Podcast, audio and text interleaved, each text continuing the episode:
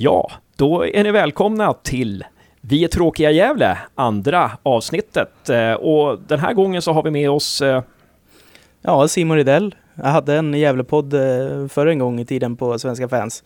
Och det är kul att ni har startat upp igen. Annars nu så jobbar jag som nöjesredaktör på Arbetarbladet i Gävle. Ja, Josef. Eh, studerande. Gör inte mycket. Sportintresserad. Får allmänt ofta många kommentarer kring mitt la- lagval om varför jag håller på Gävle. Ja, och den här gången så innehåller, så ja, vi kör som vanligt veckans spelare, veckans citat. Eh, eh, vi har också pratat lite om superettan, allsvenskan, Gävle IFs forum på Svenska fans och så analyserar vi naturligtvis eh, matchen mot Värnamo. Välkomna!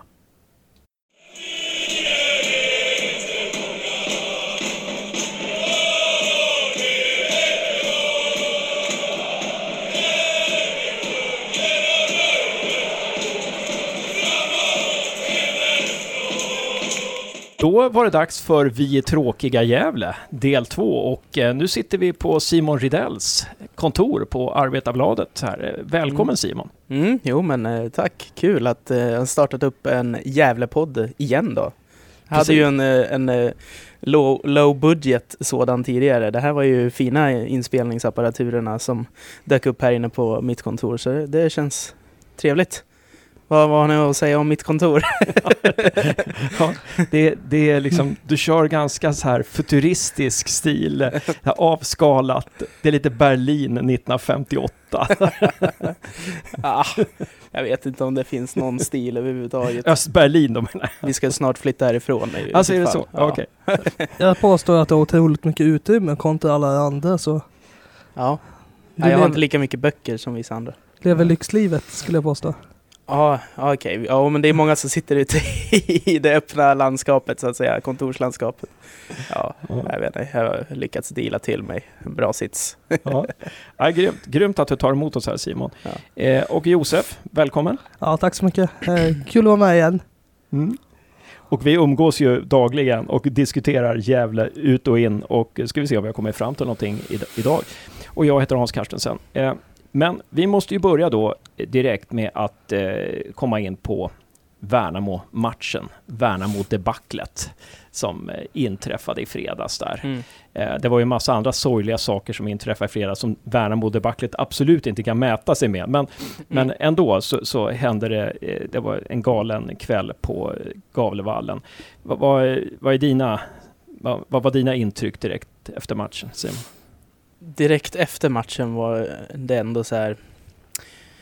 Ja, ja men det är väl ändå tidigt på säsongen. men, men i halvtid så var jag ju liksom eh, förbannad. Alltså, för det var ju, det- jag har aldrig sett Gävle så dåligt som eh, de var under första halvleken där. Och ja, nej men de buades ut. Jag vet inte vad, riktigt vad man ska säga om det. Det där råder ju delade meningar om. Jag, jag tycker att fans kan få uttrycka sitt missnöje efter en sån dålig insats. Eh, nu buade inte jag, men jag svor högljutt åt eh, hur tafatt Gävle IF var. Ja. Eh, ja, Vad, vad var det som var mest tafatt tyckte du? eh, nej men det var nog eh, eh, de två första hörnmålen. Eh, där sätts ju liksom tonen på något sätt. Det är ju, de står ju bara. Det är ju ingen Mm. som gör något. Nej. Förvisso kanske är ganska bra lagda hörnor men det såg ju otroligt eh, menings... Jag menar, jag vet inte, meningslöst. Jag menar, men, fanns de ens där i straffområdet? Så så enkelt ut. Ja. Så nej men eh, fasta situationer, det är ju sånt ska ju GIF vara bra på, tycker jag. Mm. De två första målen, det såg enkelt ut alltså. Mm. Ehm, vad säger du Josef, dina intryck direkt efter matchen? Ja, eh, jag såg inte matchen, men jag har sett om alla mål i efterhand. Tanken var att jag skulle se matchen direkt efter, men eftersom att det gick som det gick hade jag ingen lust att lägga ner en och en halv timme på att hitta en analys, utan på målen kan man säga att det är återigen problem med de fasta situationerna som de hade på försäsongen. Mm. Men att de var så otroligt dåliga i grundspelet var... Jag trodde inte att de skulle vara ändå, för de hamnade ju otroligt lågt ner med backlinjen. låg långt ifrån i press. Och sen Aug August hjälper ju inte till på någonting. Alltså jag tycker att han borde, Strömberg i målet. han borde i alla fall tagit två eller tre skott av de som ramlade in. Så, ja, första Ja. känslan var väl för jävligt. Nu klipper man säsongskortet men samtidigt får man tänka att det är 28 matcher till. Och det är inte helt kört än på att hamna i toppen. Mm. Nej. Nej, jag kände väl också att det, det, alltså, ofta, ofta under fotbollsmatcher så är det komplicerade processer. Så här. Det är inte alltid liksom man, man fattar vad det är som händer. Men den här, det här, här stod vi faktiskt bredvid varandra på läktaren och eh, liksom såg tydligt vad felet var. Det, alltså till och med som lekman kan jag se var felet. Att första pressen, att pressen inte är synkad. Oremo pressar, men de andra pressar inte och då funkar ju inte en press liksom. Och att man, precis som mot Frej, backar och backar och backar. Eller backlinjen backar Mm. och eh, hamnar i knät liksom på, på, på, på Strömberg där. Och man tillåts alltså skjuta två skott utifrån som bara rinner rakt igenom. Mm. Eh, ja, det är fascinerande alltså hur... Mm, jag, jag hur vet inte om man ska lasta August för de skotten. De går ju stolpe in båda två. Men däremot så är de ju extremt ohotade när de får, eh, får skjuta liksom. Det ser ju, ja, också det tafatt liksom.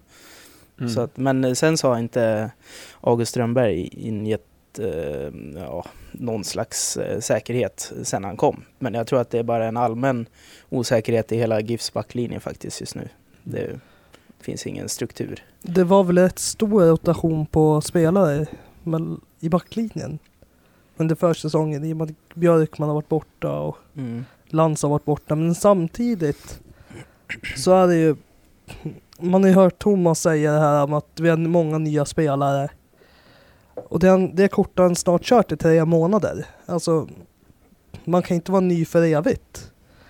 Och lite här, man borde ju ändå fått fram en tydlig försvarstanke som det Thomas ska vara bra på. Och, försvarstanken ser just ut, ser ut nu som att man ska försvara straffområdet.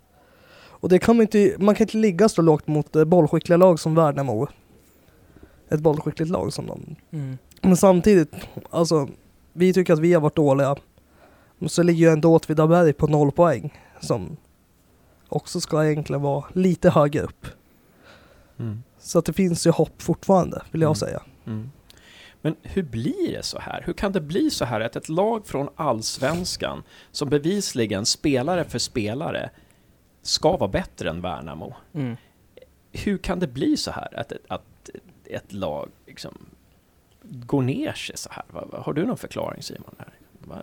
Mm, Mm. Nej men det är ju, det är ju, eh, ja men det är väl lite ångest inblandat så här i, i början på en säsong och man är det allsvenska laget och man ska visa vad skåpet ska stå och eh, eh, man är inte riktigt färdig med bygget. Det tycker jag att man borde ha varit nu men ja, det, är väl, det är väl därför helt enkelt. Det, det är ju psykologiskt, självklart. Mm. Eh, och sen ja, blir det jobbigt just Värnamo också. Tror jag de har väl en bra akademi. Jag tror de har mycket fokus på att rulla boll och vara ja, men, svåråtkomliga. och det blir extra frustrerande att spela mot ett sånt lag då. Ja. Ja. Kan, kan det vara så att vi har mött, eh, mött de två bästa lagen nu egentligen? Två väldigt bra lag. Kan vi ha haft otur att möta två väldigt bra lag? Jag tror att vi kan, Värnamo tror jag att vi kan ha haft lite otur med. Jag tror att de blir svår, att de blir eh, sämre desto längre säsongen går. Men jag tror inte att Frej var det bästa laget. Nej, det är nog min känsla också. Jag tror, eh, ja men, eh, ja, men efter den där matchen så känns det som att Värnamo, det kommer ju vara topplag. Men det, så behöver inte vi. Men eh, ja, med lite otur som du säger. Att de, de är nog vassa här i början faktiskt. Men jag Mm.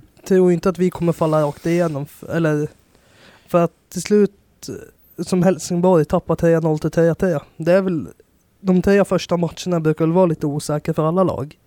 Men det brukar oftast också, eh, det är inte där säsongen sätts. Som förra året låg vi på fyra poäng och, trodde, och ledde serien under 20 minuter i matchen mot Djurgården. Men sen följer allting föll allting ihop. Så vi det finns ju fortfarande hopp om att det kan lyfta sig. Men just nu finns, finns det inga indikationer på att han kan lyfta sig för att grundspelet är, är långt ifrån färdigt. Mm. Mm. Ja, men vi har ju gjort eh, två mål två matcher i rad. Det ska räcka. Jag ser inget, jag ser inget större problem med eh, anfallsspelet egentligen. Alltså, det har ju varit ganska effektivt. Men det är ju totalt kaos, alltså defensivt. Mm. Alltså målet mot Värnamo också är ju lite, hur ska man säga, det skulle egentligen kunna lika gärna varit 5-0 eller Mm. 4-0 för att de, de slutar ju spela efter 5-0 Ja, lite sant. grann. Och då är det ju rätt lätt att göra mål. Och sen efter 5-1 så har ju inte ens målvakten någonting att spela för, inte sin personliga nolla. Så då blir ju försvaret ofokuserat. Mm. Man får lätt lägga in 5-2. Mm. Min, min eh, tanke, det var liksom efter höstsäsongen, det var att, jag menar, Thomas, nu har Thomas Andersson fått till det här. Nu har han liksom jobbat in ett system som alla, som alla är med på. Och nu, nu, nu kommer vi greja det här. Alltså det, Mm. det var ju en jätt, otroligt övertygande höst vi gjorde i Allsvenskan. Och så inleder vi så här. Alltså det, det, jag kan inte förstå hur vi kan... Kan, kan det vara helt bero på, på att Ber- vi har saknat Bertilsson och Skrabb där fram? Eller eh, är det Andreas Andersson där bak? Jag menar, så många spelare har faktiskt inte slutat hos oss. Liksom. Och eh, som Simon säger så ligger ju inte problemet anfallsspelet med Bertilsson och Skrabb utan det är ju försvarsspelet framförallt. Man, spe, man spelar som att man möter AIK eller IFK Göteborg borta med otroligt låg backlinje. Mm. Eh, och man har inga indikationer alls på att föra en match, vilket de inte har bevisat någon gång under försäsongen att de kan. Och det ser inte ut så under serien. Det var lite under Frej-matchen de förde. Mm. Men ska man gå upp så måste man ju spela offensivt och föra matchen. Och man kan framförallt inte stå med backlinjen i knät på målvakten. Vilket? Vad säger du om det Simon? Har du någon? Nej, det- det är väl en korrekt analys. Nu har inte jag tänkt så mycket på hur de har stått och sådär. Men eh, det ligger, problemet ligger ju defensivt. Det är något, det är något psykologiskt. Mm. Alltså, eh, Det är inte taktiskt utan det är psykologiskt. tror ja, men det kan vara taktiskt också. Ja. Eh, Absolut. Eller kan det vara så att någon spelare ska ut och någon spelare ska in? Eller ligger det, liksom, ligger det mer i systemet? Eh, Tror, du? tror ni? Systemet. mm. Jag tror Thomas Andersson är för otydlig. Eh, Alexander Axén, han avgick från Gais uttalade sig flera år senare att det som brast där, det var hans tydlighet. Det var därför det gick så dåligt. Och Hur då? Hur då? Att han var tydlig? otydlig. Han var Han var otydlig? otroligt otydlig. Mm, okej. Det var därför inte spelidén nådde fram till spelarna och det var därför resultatet gick som det gick. Det var samma år Gais åkte ur. Och det känns lite liknande indikationer här att idén verkar inte nå ut till spelarna. De, just nu är idén som du brukar säga Hasse, att tjonga på Oremo och hoppas på att han gör något bra. Och sen är det inget mer med det. Mm. Mm. Ja, men, eh, nu, Patrik Severin skrev ju på Svenska fans eh, Thomas av, Andersson avgå nu. Eller Mhm. någonting. Avgå nu Thomas Andersson. Eh, och satte väl liksom ord på många Gävle-fans frustration. Så här, är det, vad, vad tror ni om det? Är det det som är lösningen? Om, Ehm, ja, eh, alltså men det, det var ju som du sa. Det kändes ju självklart att han skulle fortsätta efter hösten och så. Men ehm, jag vet inte vad jag tycker om att eh, det ska vara samma, samma Gävle i Superettan som det har varit tidigare. Jag tror kanske vi måste, det känns som att han är lite för likriktad i sina, kan inte anpassa spelet så himla bra. Vi måste ju föra matcher nu, så är det ju. Och eh, jag vet inte, han får väl, jag tycker att han ska få lite tid att överbevisa. Det är ju alldeles för fort att kräva någons avgång nu tycker jag. hur många Eh, matcher ska han få? Tycker du? Mm. Tio. Tio matcher? Tio Ja. omgångar liksom? Ja, tio sen, omgångar. sen, sen måste det hända någonting Mm. om det inte... Mm. Det är inte kört efter tio omgångar. Eh, Ja, jag håller med Simon Mm. om att, om att han skulle vara klar, kvar efter hösten. Och det här om att man inte kan vara samma Gävle som man var i Allsvenskan. I Allsvenskan handlar det oftast om att bara hålla sig kvar. Framförallt nu i höstas. Och nu när det ställs krav på honom och man måste styra och spela offensivt. Det är någonting han inte har bevisat. Det var inte så vi heller vann höll, höll på att hålla oss kvar i höstas. Det var ju genom att vi förde matcher, utan det var att vi började spela effektivt. Mm. Men jag tycker ändå att han borde få sparken nu, för det verkar inte se... Det går för långsamt i en idé att växa fram. Det, det har varit hela försäsongen om att vi har nya spelare och att spelidén sätter sig sakta efter varje match. Men då hoppades man ju på att produkten skulle vara klar inför IK Frej. Mm. Mm. Och så är inte produkten klar. Och när är riktigt tilltufsad efter Värnamo, då undrar man ju lite, kan han verkligen ställa om? Nej, för det, det var ju det som jag blev liksom bedrövad över eller fascinerad eller vad man ska säga. Frej, alltså vi var utspelade första 35 minuterna. Såg du den matchen Simon? Mm. Ja. Jag menar, vi var ju utspelade första 35 minuterna där. Alltså, vi hade ju kunnat ligga under med flera mål. Det var ju, vi hade ju ingenting. Frej bara sköljde över oss. Vi backade. Och, och då tänkte jag att, ja men, och sen kom de igen i, i um, andra halvlek. Och då tänkte jag att, ja men nu, nu, nu har de insett felet. Och så händer samma sak mot Värnamo. Att det, vi, vi, vi backar, vi pressar inte. Alltså, hur kan man undgå att se det som hände mot Frej? Alltså, hur kan det, hur kan det inte få konsekvenser? Och det är lite samma Mm. mönster som det har varit i alla matcher eh, på försäsongen i Svenska cupen. Att vi är otroligt dåliga i första halvlek. Och sen börjar vi komma igen lite grann i andra. Det är aldrig att vi gör, det gjorde vi inte heller förra året, att vi gjorde en bra insats över 90 minuter. Kanske Östersund borta varenda matchen, men Mm. i år så är det också lite här att vi kan göra bra inslag lite då och då, men vi kan inte göra en komplett bra insats. Mm. Mm. Mm. Vill du lägga till någonting där? Så- Nej, nej det vill jag inte. Okej. Eh, ja, men, sen har vi ju då laget. Eh, laget som har spelat nu eh, de här två första matcherna har ju varit, alltså vi, hade, vi spelade ju med Hymmet på topp eh, från start senast.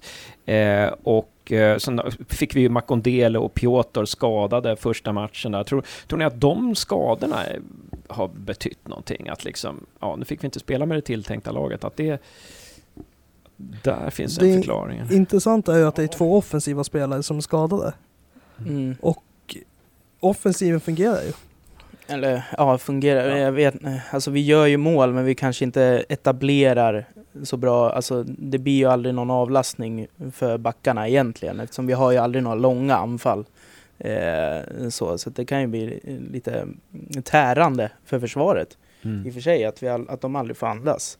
Ja. Och, och där kan ju sådana som Piotr och, och Makondele vara bra på att hålla spelet uppe lite mer. Mm. Eh, men jag tror inte Makondele är någon liksom superviktig defensiv pjäs så egentligen. Mer ja. än att ja, vi kanske kan etablera lite bättre Mm. med sådana spelare. Ciuccio hade ju ingen rolig match eh, och blev tidigt utbytt nu Mm. mot Värnamo. Mm. Den sprang och var vilsen. Ja, Chucho, Chucho alltså, det känns som han var, han var väldigt, han var tagen av stundens allvar. Mm. Och som du säger Simon, det är psykologiskt. Och då, då, då kan jag, Mm. Jag bara fundera, är man inte så professionell så att man inför sådana matcher förbereder spelarna på att det kommer vara väldigt pressande liksom?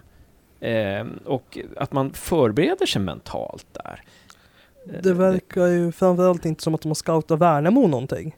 Man gör fyra mål på en halvlek och målen såg väldigt identiska, alltså 1-0, 2-0, Mm. båda hörnor, 3-0, 4-0, skott utifrån. Mm. Att man inte har lyckats scouta det, att kanske efter efter 1-0 att man borde förstå att nej, vi måste ha bättre markering på hörnorna. Mm. Och så knoppar de in 2-0 som ingenting.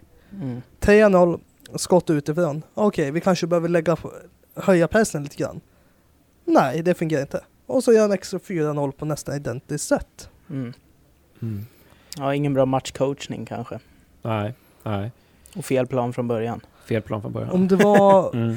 Patrik Severin, hans artikel, så hade han ju fotat Christian Järdler och Thomas Andersson, eller från där han satt. Mm. Och då, Järdler var ju uppe hela tiden och manade på spelarna om hur de skulle göra. Medan Andersson satt där på sin stol och gjorde ingenting. Mm. Mm. Simon, har du någon Nej, reaktion på det? men det där tror jag liksom, det är bara olika coachstil liksom. Mm. Men eh, jag vet inte, det behövdes ju eh, i den här matchen eh, med den starten så Mm. behövdes ju kanske någon som eh, röt i lite i och för sig. Mm. Mm. Alltså det, det som är, jag har varit inne på det här med hörnorna, det passiva vid hörnorna. Eh, och, och det var ju även ja, passivt vid skotten utifrån. Det, det var även passivt på 5-0 målet. Där man alltså spelar sig igenom. Alltså, jag kommer tillbaka till samma sak som efter Frej-matchen. Att man spelar sig igenom Gävle. Fast Gävle är, har fler spelare i den ytan så lyckas ändå Värnamo hitta varandra. Mm. Och då undrar jag liksom, vad, vad, hur är tanken med försvarsspelet? När, när spelarna liksom... Är det zonförsvaret det är fel på? Ska vi sluta med zonförsvar eller vad är det för någonting? Har ni någon tanke där? Så vad är, Nej, nej, Eh, nej. Zonförsvar är ett väldigt omodernt sätt att försvara nu för tiden. Alla stora lag, alla bra lag kör man-man. Det är så ute i Europa, det är så i allsvenskan. De bra lagen kör man-man. Och eh, att man då ska envisas med ett zonförsvar, det, det, det verkar vara det som brister på hörnan. Att Björkman följer, följer inte med sin gubbe, följer inte med Cederqvist upp i duellen för att då släpper han sin zon. Mm. Utan det är en annan persons zon. Om det är, jag vet inte vad som, om det är Auschenbergs zon. Och det, Då, står man, då står man ju bara där utan att ha någon, alltså det kommer en spelande springandes och man står där still. Det är svårt att eh, försvara. Exakt, Jag har eftersom, aldrig riktigt förstått zonförsvar heller. Vi försökte med det i GIF ungdomsleden när jag spelade där, men jag tyckte alltid man-man var bättre. eftersom att, ja, Det är ja. ungefär den eh, liksom, kunskapen jag har Ja, om sånt här. Jag är ingen taktiker på det sättet. men sen ser man ju också att Jesper Björkman är ny inför, inför eh, zonförsvar. Men Auschenberg var ny för zonförsvar när han kom. Mm. Att man då fortsätter envisas med att vi ska köra zonförsvar när de här kan är fostrade i man-man-försvar är ju otroligt underligt. Att man ska envisas med att köra GIF-modellen. En modell som inte har fungerat sedan typ 2013. Sen Pelle var här. Mm. Pelle vet hur man styr upp en Ja. zon. Och Thomas Andersson har ju sagt att han har kontakt en gång i veckan med Pelle Olsson. Och vi ser ju hur det gick för AFC i Allsvenskan. Mot Sundsvall gick det åt helvete och, och mot Örebro så var de inte så värst vassa heller. I försvaret. Ja, Nej. försvaret eller anfallsspelare över Ja. hela banan. Ja, ja, Mm. ja, ja men det, det, det är intressant. Jag undrar, ska vi gå vidare till Det typ, ska, det ska gå vidare. Eh, jag hade någon mer fråga på det där. Eh, det var ju också det här som det, det var någonting med forumet där man pratade. Jo, det var lite forumet här att man var, varit ute. Vi kan ju komma in på forumet nu, men Mm. eh, en reflektion från forumet är att det var många som har varit inne på det här att Gävle borde gå ut nu och be om ursäkt efter den här eh, insatsen liksom Mm. eh, och be om ursäkt till sponsorer och fans och så vidare. Och så vidare. Men det, det är bara en tystnad. Vad säger ni om det? Är det någon? Ja, men jag såg ju att de gjorde ju ett litet eh, lustigt eh, Facebook-inlägg på sin, eh, på sin Facebook-sida där, där de la upp en bild. Självklart är vi besvikna över vår insats typ. Och, så var det liksom fyra bilder på fyra besvikna GIF-spelare. Hjälte, Rauschenberg, Oremo och de såg alla, ja, de hade alla olika typer av bedrövelse i ansiktet. Så, men det var ju lite roligt att lägga upp. Ja, men kolla, kolla så besvikna vi var liksom. Sådär. Men eh, ja, men jag såg ju att uh, Sky Blues-klacken ville ju ha in någon efter uh, signal där. Men det kom aldrig någon, så vitt jag såg i alla fall. Jag- jag gick i 82 minuten så jag missade båda målen faktiskt. Ja. Ja, jag, ja, jag, var, jag var helt, jag orkar inte mer alltså. Ja. Men eh, så det var ju okej, de ville ha in någon där och Det så var- kom det ingen. Ja. om man tänker på förra året så hade vi alltid Simon Skrabbel och Anders Båt som ändå gick fram och tog snacket vid en förlust. Mm. Medan det här var ju nästan värre än alla matcher jag någonsin sett. Alltså visst, 6-2 mot Göteborg förra året, men det är ändå Göteborg. Det här är 5-2 mot Värnamo och det är Värnamo. Mm. Och att man inte då kan få in någon att någonting. Man vill ju i alla fall ha någon röst. Och Simon körde ju inga intervjuer varken i paus eller efter match med tränare eller spelare. Så där fick man inte höra något och GIF var helt tysta på sin hemsida med Mm. Jag tror att vi hade ett citat från Thomas Andersson som sa Vi vinner andra, ma- vi vinner andra halvlek så vi, det får bli starten på något nytt. Och senaste matchen han faktiskt vann var ju en träningsmatch mot BP. Mm. Mm. Vilket var många månader sedan nu. Mm. Mm. Mm. Någonting mer från forumet som ni har reagerat på de senaste dagarna? Nja, nej, men det är ju, det var vi inne på redan. Thomas Andersson, ska han fortsätta eller inte? Det är väl det de snackar om just nu. Mm. Mm. Så. Ja, Jag just det. Har inte snappat upp något mer från forumet faktiskt. Nej. Vi blev kallade Ba- Bagdad Bob, blev vi kallade i, i vår, efter vår första podd, för att vi var så optimistiska trots 2-2 borta mot, mot uh, Frej. ja, ja. Eh, ja, de kanske fick rätt nu efter... Nu får de höra vår negativa sida. ja. Precis. det är en balansgång där. Liksom. Det här var inte roligt. Nej, men vad fan. Oremo han är ju tvåa i skytteligan åtminstone. Tre baljor. Ja, Den, Dennis Himmet ser ut att vara en mycket bra spelare.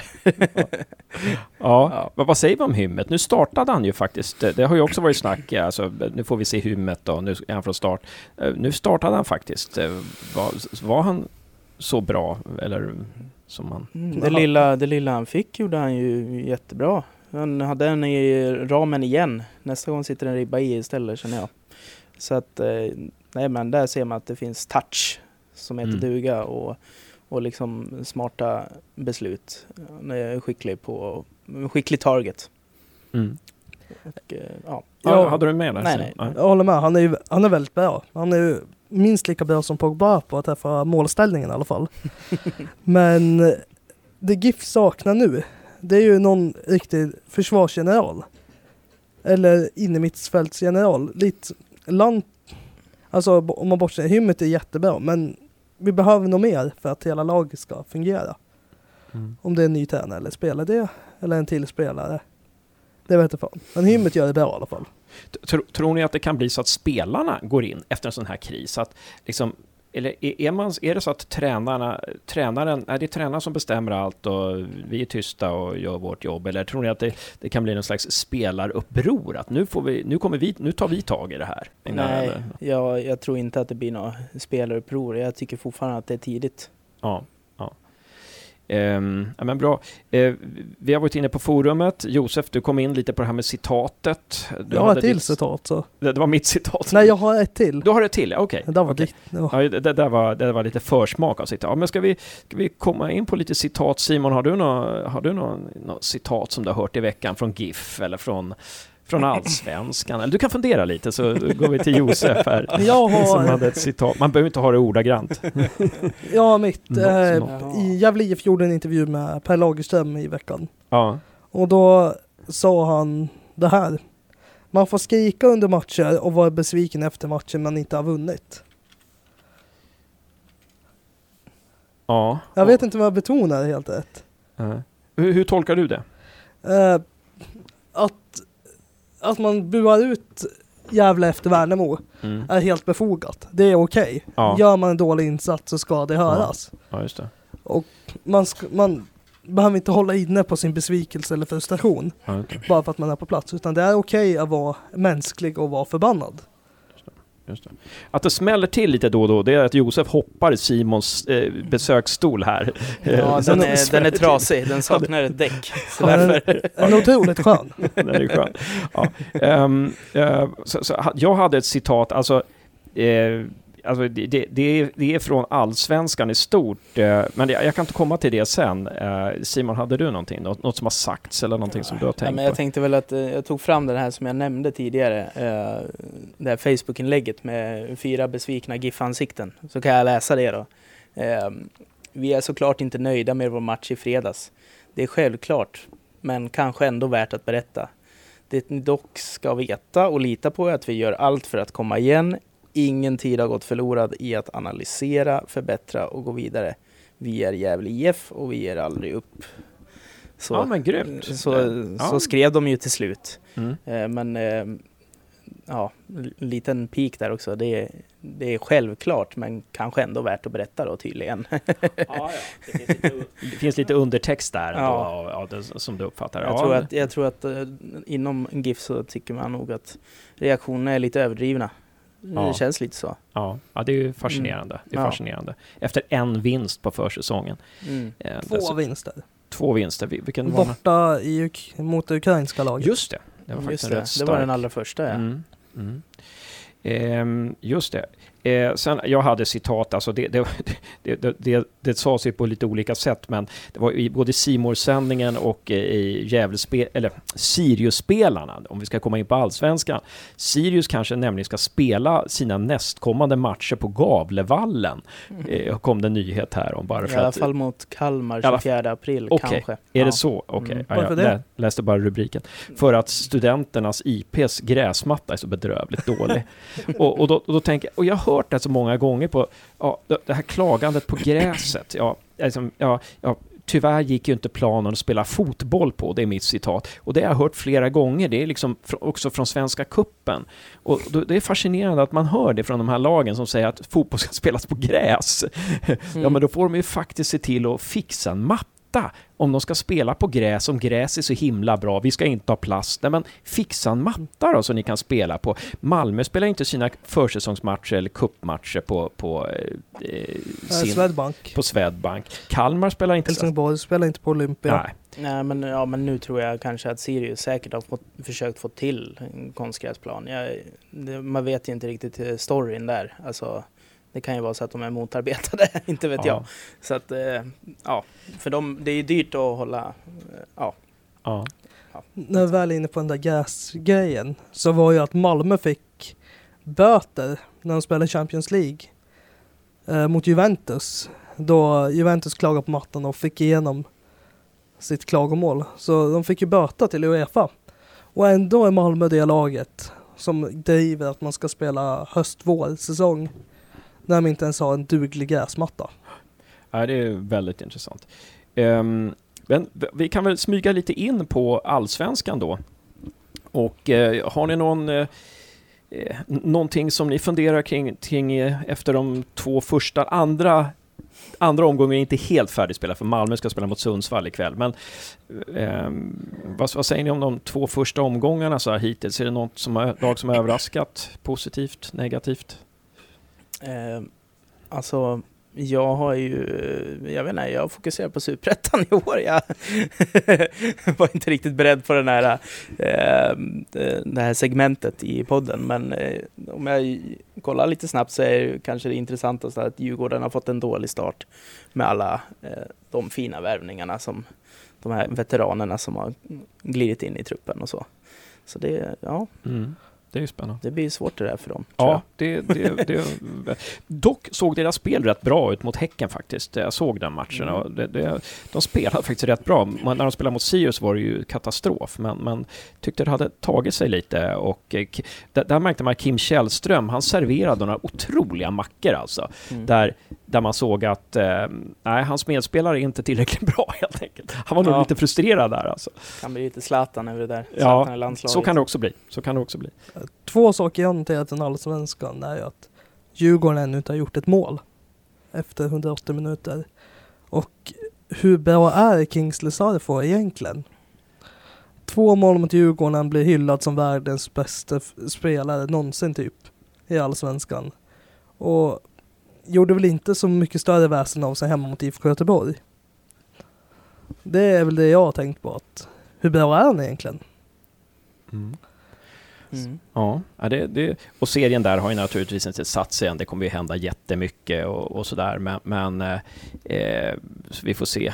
Eh, ja, Norrköping åkte på stryk och det, det, lär, det lär bli jämnt liksom. Elfsborg Mm. vinner med 5-1 och får stryk nästa match mot AIK. Det, det verkar vara lite upp och ner. Mm. Halmstad står på fyra poäng eh, efter två matcher. Och, Det gjorde vi också förra året. Ja, eller, ja. jag har väl eh, i och för sig noterat att ja, men inför har det inte varit så mycket snack om Göteborg. nej, Men de gjorde bra mot Malmö och, Mm. och sådär. Och eh, ja, de blir nog att räkna med. Ändå. Göteborg står också på fyra poäng. Så Som kan, leder. det kan mycket väl bli så att de åker ur allsvenskan.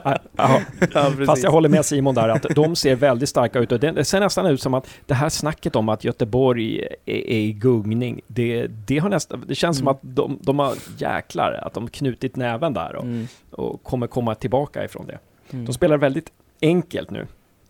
Inte alls den här champagnefotbollen eller totalfotbollen. De spelar ganska eh, realistiskt nu faktiskt. Mm. Det tror jag kommer gynna dem. Alltså. Mm. Faktiskt. Superettan då? Ehm, nu knarrar Josef stol igen här. Jag måste bara förklara det för lyssnarna så ni inte tror att Det är- Stisse som kommer in här. Det är trasiga stolar och allmänt kaos inne på mitt kontor.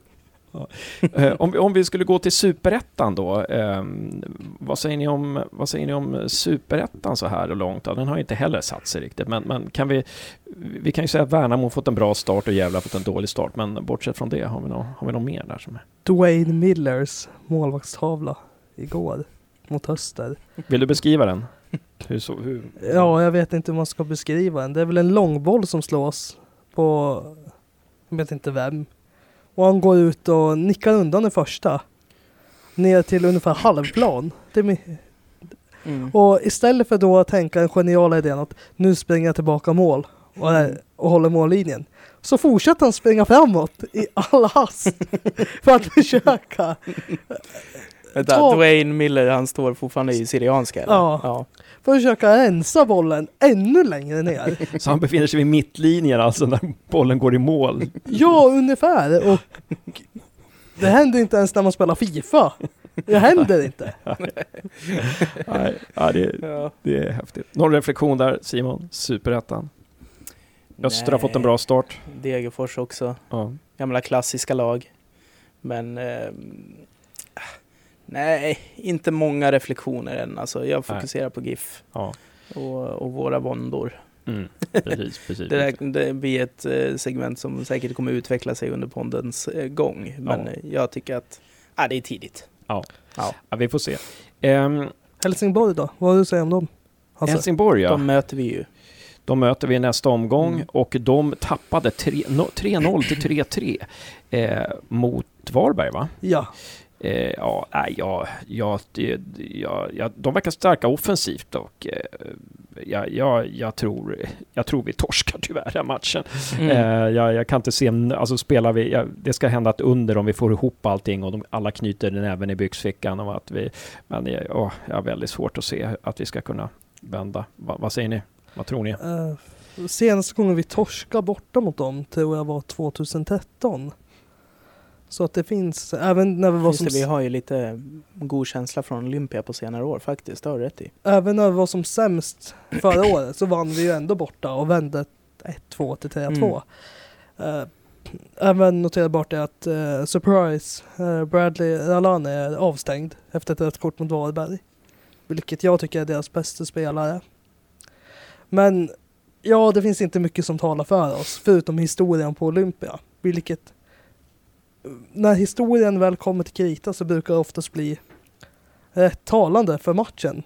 Som Halmstad har väl lätt mot Göteborg hemma och det brukar Ja. oftast visa sig i matcherna. Mm. Som ett kryss om vi har tur, kanske en vinst om vi spelar bra. Det låter ju inget bra om Helsingborg har börjat eh, bra offensivt med tanke på hur dåligt defensivt GIF har varit. Så att, ja. precis. Jag skulle hellre möta ett lag som, som var bra defensivt men dåligt offensivt just nu. Du sk- skulle hellre Ja. möta Jädraås. Ja. I alla 15 omgångar. Nej men 30 menar jag. Ja. Det är 15 hemmamatcher. ja, ja. Ehm, nej, men eh, det var någonting mer. Eh, vi, vi ska snart eh, ta och säga tack och hej härifrån Simons eminenta kontor. Mhm. En sista sak bara då. Vi har ju också, började med förra veckan, utse veckans spelare. Det kan vara en spelare från GIF, det kan vara en spelare från Superettan, det kan vara från Allsvenskan, det kan vara från världen. Någon som man liksom har, som har gjort någonting speciellt. Jag tänkte börja faktiskt här.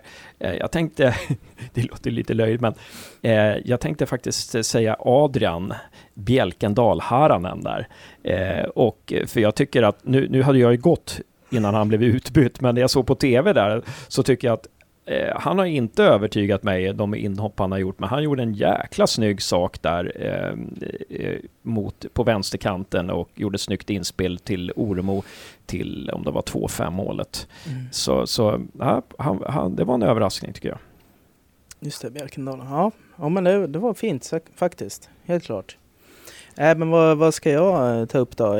Jag är, jag är ganska eld och lågor över Dennis Hymmet. Men jag tänker ändå att jag, jag lyfter fram Albin Luikangas som skrev på nytt kontrakt idag, 18-åringen. Och som ja, verkar vara stadig i startelvan. Det väl, har väl inte varit några trevliga matcher så, men jag tycker inte han har gjort bort sig. Det tycker jag absolut inte. Så det ser, ser bra ut. Lovande. Mm.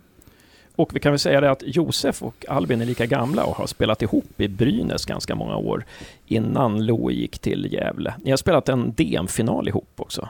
Vi har spelat två DM-finaler. Två DM-finaler. just det. Eh, och, tror eh, jag. Eller så var det bara två, Ja. tror jag. Men, eh, och eh, där så, vi, vi, vår förhoppning är att vi nästa i trean här, eh, vi är tråkiga i Gävle del 3, att vi ska sända från Gavlevallen och att vi ska ha Louis som gäst då. Det är vår Mm. förhoppning. Är det Louis vi kallar honom eller? Ja, vi brukar kalla honom Louis. Ja, ja det är bra. För det har jag börjat göra också. Känns enklare. Jag hade, jag hade uppskattat om han hette Louis Kangas. Alltså att han inte Ah. hette Albin. att, han, att, det, att Louis var förnamn och Kangas var efternamn. Det hade varit väldigt bra. Men man kan inte få allt här. Ja, just det, just Ja. Ja, det, det, det, så här, vi, vi, vi ska framföra den synpunkten. Mm. Eh, Josef, veckans spelare. Om man kollar på poäng och mål så är det Per Cederqvist den givne. Ja. Det var enkla mål han fick göra mot oss dock. Ja. Men han var där. ja, jag vill inte hylla någon GIF-spelare för den här veckan. Det skulle ju varit ORMO för att han gör mål, men Mm. det var ju rätt meningslöst. Så jag säger Per Cederqvist, Värnamo, som har gjort fyra mål på två matcher. Och de ligger ju i topp där. Så. Just det. Ja. Ja, men hörni, tack, tack Josef och framförallt tack till Simon Ridell som tog sig Mm. tid att, att medverka i Vi är tråkiga Gävle, ja. del två. Stort Gävle-fan är man ändå. Trots, trots allt. Ja. Ja, skit, ja, skitkul att du var med och lycka till med allt ditt. Ja. AB Nöje där. Just det. Eh, och du har väl en blogg också va? Ja, den ligger lite på is bara för att bloggportalen är så himla värdelös. Men eh, jag tror jag ska flytta in på sajten istället. Är det Ja. Simon Says? Simon säger. Simon säger det. Ja, ja men den, den är inaktiv för tillfället. Men planen är att det ska bli någonting Ja. i alla fall. Så håll utkik efter den. ja. Och eh, nu ska vi också säga att eh, efter den här nu så kommer det, direkt efter den här snacket så kommer det en liten kort telefonintervju med Mattias Voxlin också. Och Mattias Voxlin, för alla som är födda igår och inte vet vem det är, så är han ju en, en klassisk Gävlespelare. En, av- en av de mest klassiska eh, efter, efter, efter kriget, eller något sånt där man säger så. Eh, han gjorde ju 14 säsonger i GIF och, och, och eh, har gjort oförglömliga insatser. Eh, bland annat, eh, ja, gjorde ju ett hattrick när vi vände 0-3 till 4-3 mot Malmö FF Ja, på ja. Strömvallen. ja, men för mig är han eh, favoriten. Alltså, så under den tiden jag har följt GIF. Definitivt.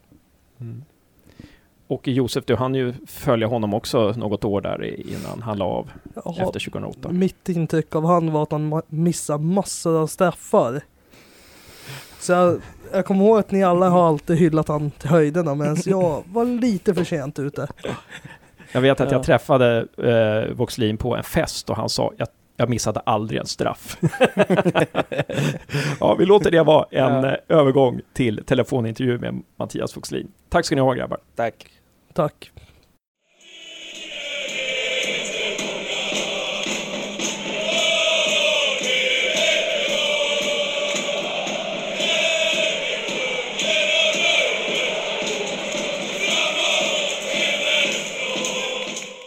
Men tjena Mattias! Eh, Hasse och Josef här. Hej!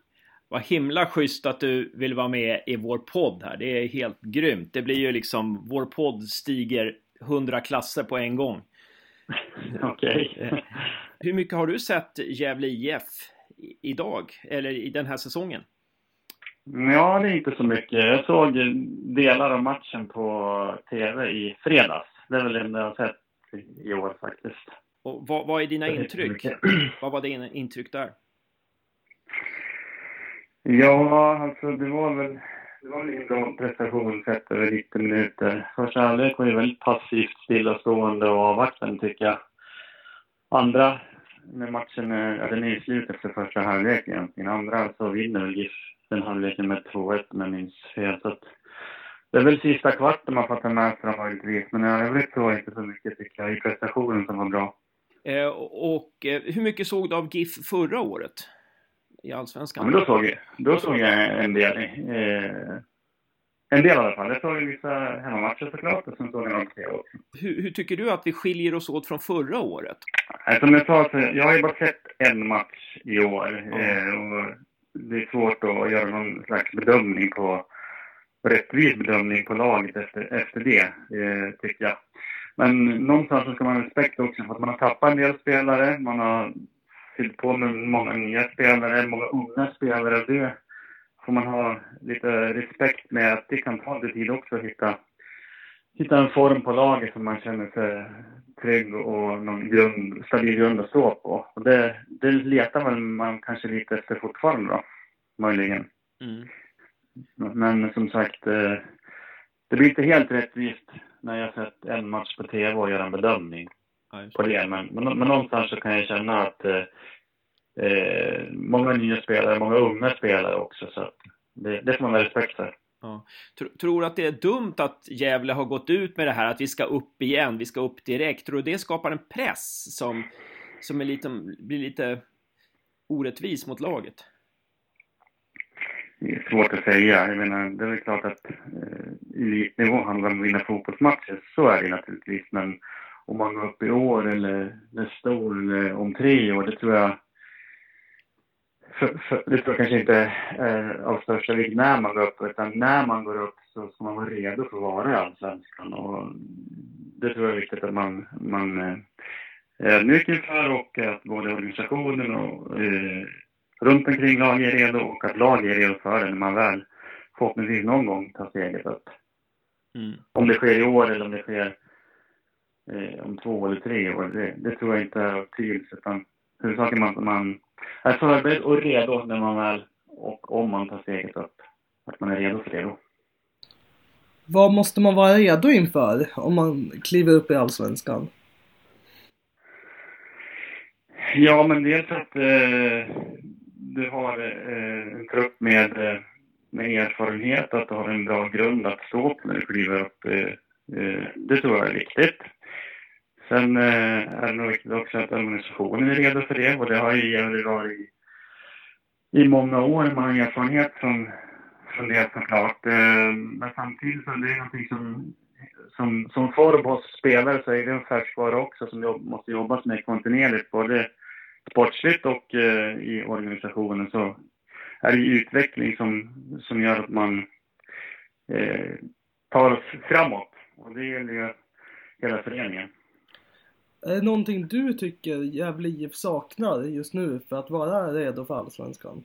Eller för att ta klivet upp? Jag är för långt ifrån både laget och klubben nu för att kunna uttala mig någonting om det tycker jag. jag är helt säker på att föreningen gör allt vad de kan för att utvecklas både sportsligt och som, som förening. Det tror jag man jobbar stenhårt med varje dag. Du har ju spelat både i Superettan och i, i Allsvenskan. Ni höll ju till några år där i Superettan. Eh, alltså, man förstår ju att Superettan och Allsvenskan skiljer sig åt för att Superettan, de har lite, det är lite sämre lag och så, men är det någonting liksom speciellt mentalt eller no, är det no, ja, är det, är det, finns det några andra saker som är speciella med att spela i Superettan just om man jämför med Allsvenskan? Eh, ja, alltså det är fotboll vi spelar, så är det naturligtvis. Men allting är lite större, li, lite, lite bättre i Allsvenskan. Det är lite mer folk, det är bättre spelare, bättre lag i möter. Så att man måste ju upp en nivå, eh, både som lag och som, som individ om du ska kunna mäta det med de bästa spelarna, med bästa lagen i Sverige. Så att det är klart att det är ett snäpp till, så är det. Mm. Och sen, sen, spelade ju du under Pelle Olsson då. Ja, du spelade ju under Kenneth Rosén också där, men, men du spelade ju under Pelle Olsson några år i Allsvenskan innan du la av där 2008. Va, va, hur, hur, tycker du att Gävles spel har förändrats efter att eh, Pelle slutade? Mm, ja, nej, men Pelle har ju varit i klubben i, eller var i klubben i många, många år och, och var väldigt tydlig med, med hur han ville spela fotboll. Och det var ju framgångsrikt för vår del eh, under eh, de första åren i Allsvenskan när vi var färska nykomlingar som var otroligt nederlagstippade så hade vi en, en tro och en struktur och organisation som vi kunde lita på och som höll oss ovanför vattenytan i, i några år. Sen kom ju Roger in i föreningen, Roger Sandberg, för några år sedan och ville sätta sin prägel på laget och det vart väl lite mera, i mitt tycke i alla fall, lite mera, ska jag säga, eh, offensivt spel kanske är fel ord, men lite andra vägar att ta sig framåt i banan. Kanske lite på bekostnad av att det var lite mera hål bakåt och man släppte in lite mera mål än man gjort tidigare. Mm. Och eh, någonstans så är det viktigt för alla fotbollslag såklart att ha en, en, en balans i det där. Jag menar, fotbollen består ju både av anfallsspel och försvarsspel och det är viktigt att försvarsspelet sitter, att man inte tummar på det, men det är även viktigt att utveckla anfallsspelet. Försvarsspelet har varit lite lidande tycker jag, eh, många gånger. Och man släppte in en hel, hel del mål förra året i inledningen av säsongen. Mm. Sen var det bättre eh, under hösten. Nu gick det tillbaka till sin, sin modell lite grann, ett bra försvarsspel och man tog sina poäng på hösten men man vaknade lite för sent så det räckte inte ända fram, tyvärr. Ja, just det. Eh, och, och, det är ju det som är så förbluffande just nu, för man tänkte att det var ju så otroligt bra höst. Alltså man, slutet på hösten var ju helt fascinerande bra. Mm. Och, det mm. var, och man har fått in ganska bra spelare och eh, man tänkte att Thomas Andersson verkar så otroligt bra på att organisera ett lag. Och sen så åker man på sån här propp mot Värnamo som inte ens är mm. topptippat i Superettan. Hur, hur kan det liksom hända? Ja, hade man svar på det så... Nej, det är svårt att förklara faktiskt, men jag, jag, vet inte vad man ska hitta för förklaring. De har väl säkert analyserat den matchen för fulla muggar, ledarteamet såklart, men utifrån det jag såg så var det väldigt passivt och man var lite tillbakalutad och stillastående och det var väldigt lätt för Värnamo att spela sig igenom lagen, både i lag och utanför lag och lätt att ta sig fram till straffområdet där har man någonting att jobba med. Men Mattias, när, ni, när du var aktiv och ni åkte på en eh, stor förlust, hur tacklar ni den då? Ja, alltså... Dels så gör man ju naturligtvis en, en analys eller en uppföljning av matchen som alltid oavsett vad resultatet blir så blir det matchen igång med matchanalys. Och släpper man in fyra, fem mål som, som vi gjorde, och det var det, var det och då, då är det ju verkligen att sätta fokus på defensiven, för då har man ju verkligen att jobba med och förbättra. Så att fem mål, visst det kan hända någon gång naturligtvis, men matchen efter så får det ju inte eh, tillåta, tillåtas att, att det är så slapphänt och eh, naivt försvarsspel som det var mot Värnamo, utan då är man fram med någon slags stolthet både individuellt och, och som lag och, och jobba på det under veckan inför nästa match. Mm. Ja, jättebra. Vi får hoppas att det, att det sker. Um, ska säga, en, vi spelade du med Oremo en säsong, din ditt sista år va? Eller? Mm. Ja, jag spelade ett halvt år tror jag till och med, någonting sånt där. Ja. Okej, okay, okej. Okay. Du spelar, alltså, för du spelade bara halva 2007 alltså? Nej, men Ormo stack inte han efter halva säsongen då? Eller hur var det? Stack han efter säsongen? Jag kommer inte ihåg hur det var riktigt. Stack sommaren 2008.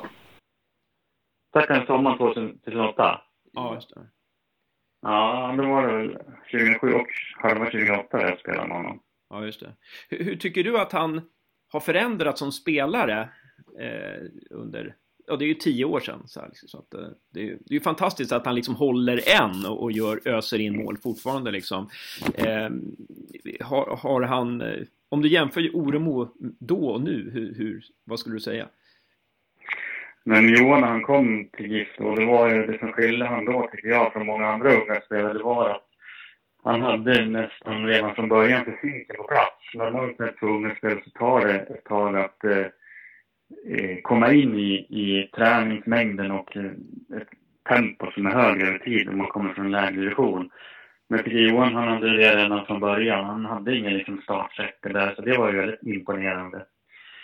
Sen var ju Johan väldigt framtusig och eh, hungrig på att göra mål redan då och det har han ju fortsatt med. Under, ja, sen han kom tillbaka från Djurgården i alla fall. Gips har han gjort sina mål varje år. Och Johan är en spelare som jobbar hårt hela tiden och är en liten vägvisare för övriga laget tycker jag också. Mm.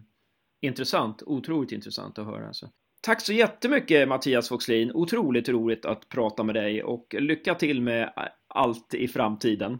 Ja, tack så mycket för den här intervjun och att du hade tid att ställa upp. Det var jättekul att ni hörde av er. Det uppskattar jag.